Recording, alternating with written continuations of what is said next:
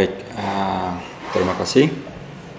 Kali ini saya akan mencoba memulai uh, rekaman video dan juga suara podcast yang nantinya kami usahakan agar dapat di apa namanya di upload secara utuh menyeluruh dalam serial uh, sains terbuka uh, kuliah massal ya masif online uh, atau lebih dikenal dengan MOOC jadi Open Science MOOC versi Indonesia di kami uh, sudah membuat slotnya di eliademy.com uh, platform MOOC yang yang cukup terkenal dan juga menjadi host dari uh, MOOC Open Science MOOCs yang dibuat oleh grup John di di Eropa.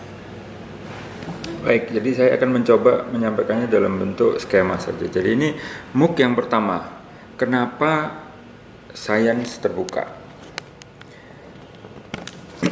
Nah, yang yang saya coba sampaikan di sini adalah pendekatan produser dan konsumer. Jadi contoh gambar ini. Jadi contoh gambar ini ini adalah produser ilmuwan dan ini adalah konsumer. Gitu ya.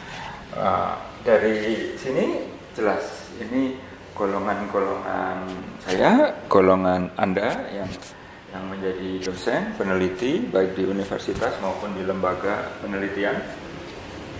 Kami kita di sini memproduksi berbagai hal melalui research dan eksperimen. Ya. Kemudian kita menulis report. Nah, report ini juga muncul dalam berbagai format, baik report sebagai laporan ya, laporan akhir tahun atau sebagai publikasi di jurnal maupun uh, seminar.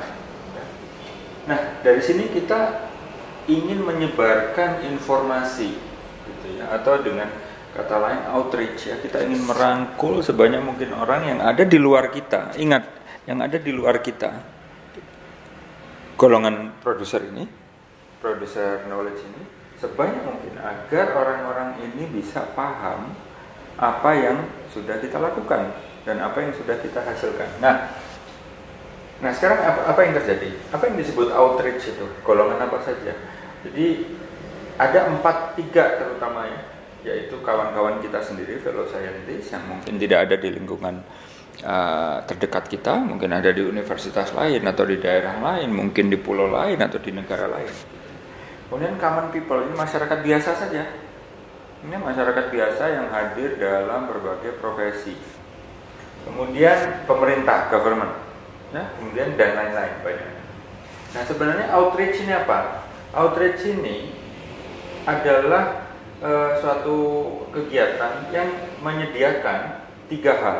Yang pertama adalah pengetahuan, knowledge, akses, e, kemudahan untuk e, pihak ini itu pihak kita menyediakan akses dan ini me, mendapatkan akses.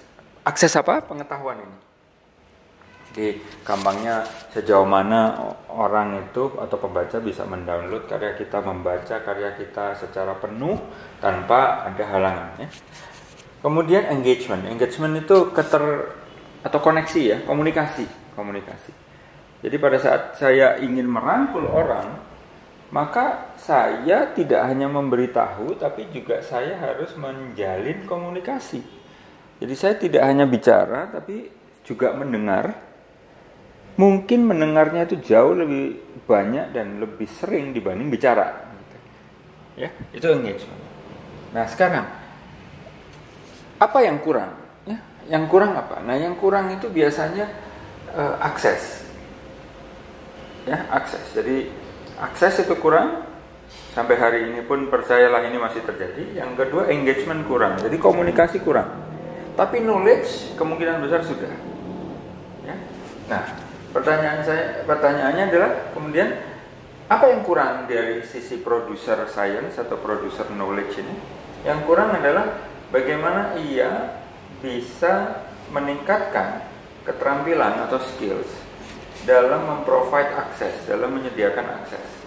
Skillsnya harus ditambah. Karena itu tidak cukup hanya dengan mengirimkan makalah di jurnal open access. Jauh lebih luas daripada itu. Kemudian yang kedua adalah uh, keterampilan yang perlu ditingkatkan adalah keterampilan untuk mengcreate engagement. Ya, membina komunikasi keterkaitan dengan masyarakat di bagian yang sini. Itu kurang. Ya. Uh, kebanyakan orang mungkin setelah uh, selesai riset kemudian membaca uh, apa membuat laporan kemudian apa namanya membaca laporan setelah itu menulis makalah kemudian selesai ya jadi create engagementnya kurang nah di sisi lain bagian knowledge uh, apa namanya ini produser ini adalah yang menikmati ya yang membaca. Ya klien atau customer customer. Itu kurang juga ada dua hal setidaknya. Yang pertama keterampilan untuk mencari informasi dan mencari pengetahuan sumber pengetahuan. Itu kurang sekali. Ya, jadi orang menggunakan Google mungkin setiap hari tapi tidak banyak orang yang bisa me me melokalisir pencarian dia berdasarkan uh, kebutuhan tertentu. Jadi misalnya dia ingin mengetahui uh, tentang bagaimana bumi terbentuk, gitu ya.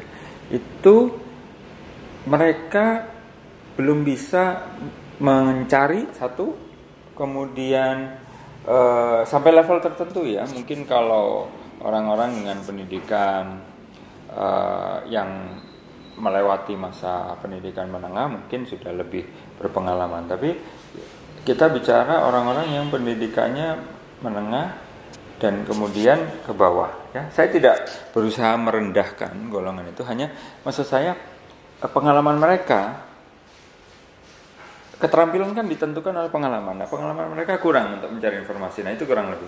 Nah anehnya lagi adalah untuk beberapa golongan uh, profesi misalnya yang yang ini pembuat kebijakan aja ya. Pembuat kebijakan itu sangat sangat sulit buat mereka. Uh, untuk mencari informasi ya bahkan untuk sekedar googling kemudian menggunakan beberapa mesin pencari begitu ya itu mereka tidak terekspos skill tentang itu. Buktinya apa? Buktinya banyak sekali eh, bahan-bahan uh, material yang mereka buat. Apakah itu slide presentasi untuk sosialisasi atau itu kebijakan itu jarang sekali merefer atau merujuk kepada dokumen ilmiah. Sangat jarang. Ya. Itu tidak hanya terjadi di Indonesia tapi juga di luar negeri ya sampai level tertentu. Nah yang kedua adalah mereka itu e, golongan ini perlu peningkatan skills bagaimana untuk mentransfer knowledge ke implementasi. Nah itu juga menjadi masalah. Nah, oleh karena itu open science atau sains terbuka ini adalah menurut saya dan kawan-kawan di tim sains terbuka adalah menjadi pintu gerbang untuk bisa membantu bagian sini agar dia lebih lebih terampil dalam berkomunikasi dengan cara-cara yang mungkin uh, sekarang dilihat sebagai non konvensional gitu ya dan sisi yang sini agar mereka juga terbiasa mencari, melihat informasi yang ada di mana-mana sebenarnya dan kemudian mentransfernya menjadi uh, ke, ke level implementasi. Jadi kurang lebih kenapa open science itulah uh, salah satu latar belakangnya. Ya, tentunya ada banyak latar belakang yang lain, tapi kalau saya dan kawan-kawan yang lain melihat ini yang yang terutama. Ya, jadi kurang lebih seperti itu. Uh, silahkan meninggalkan komentar di di box komentar uh, kalau berkenan subscribe dan me, apa, channel ini silahkan tapi ini akan kami satukan ke uh, serial MOOC di Eliademi di kemudian hari dilengkapi dengan materi-materi uh, paparan dan juga latihan. Demikian terima kasih. Selamat sore. Assalamualaikum warahmatullahi wabarakatuh.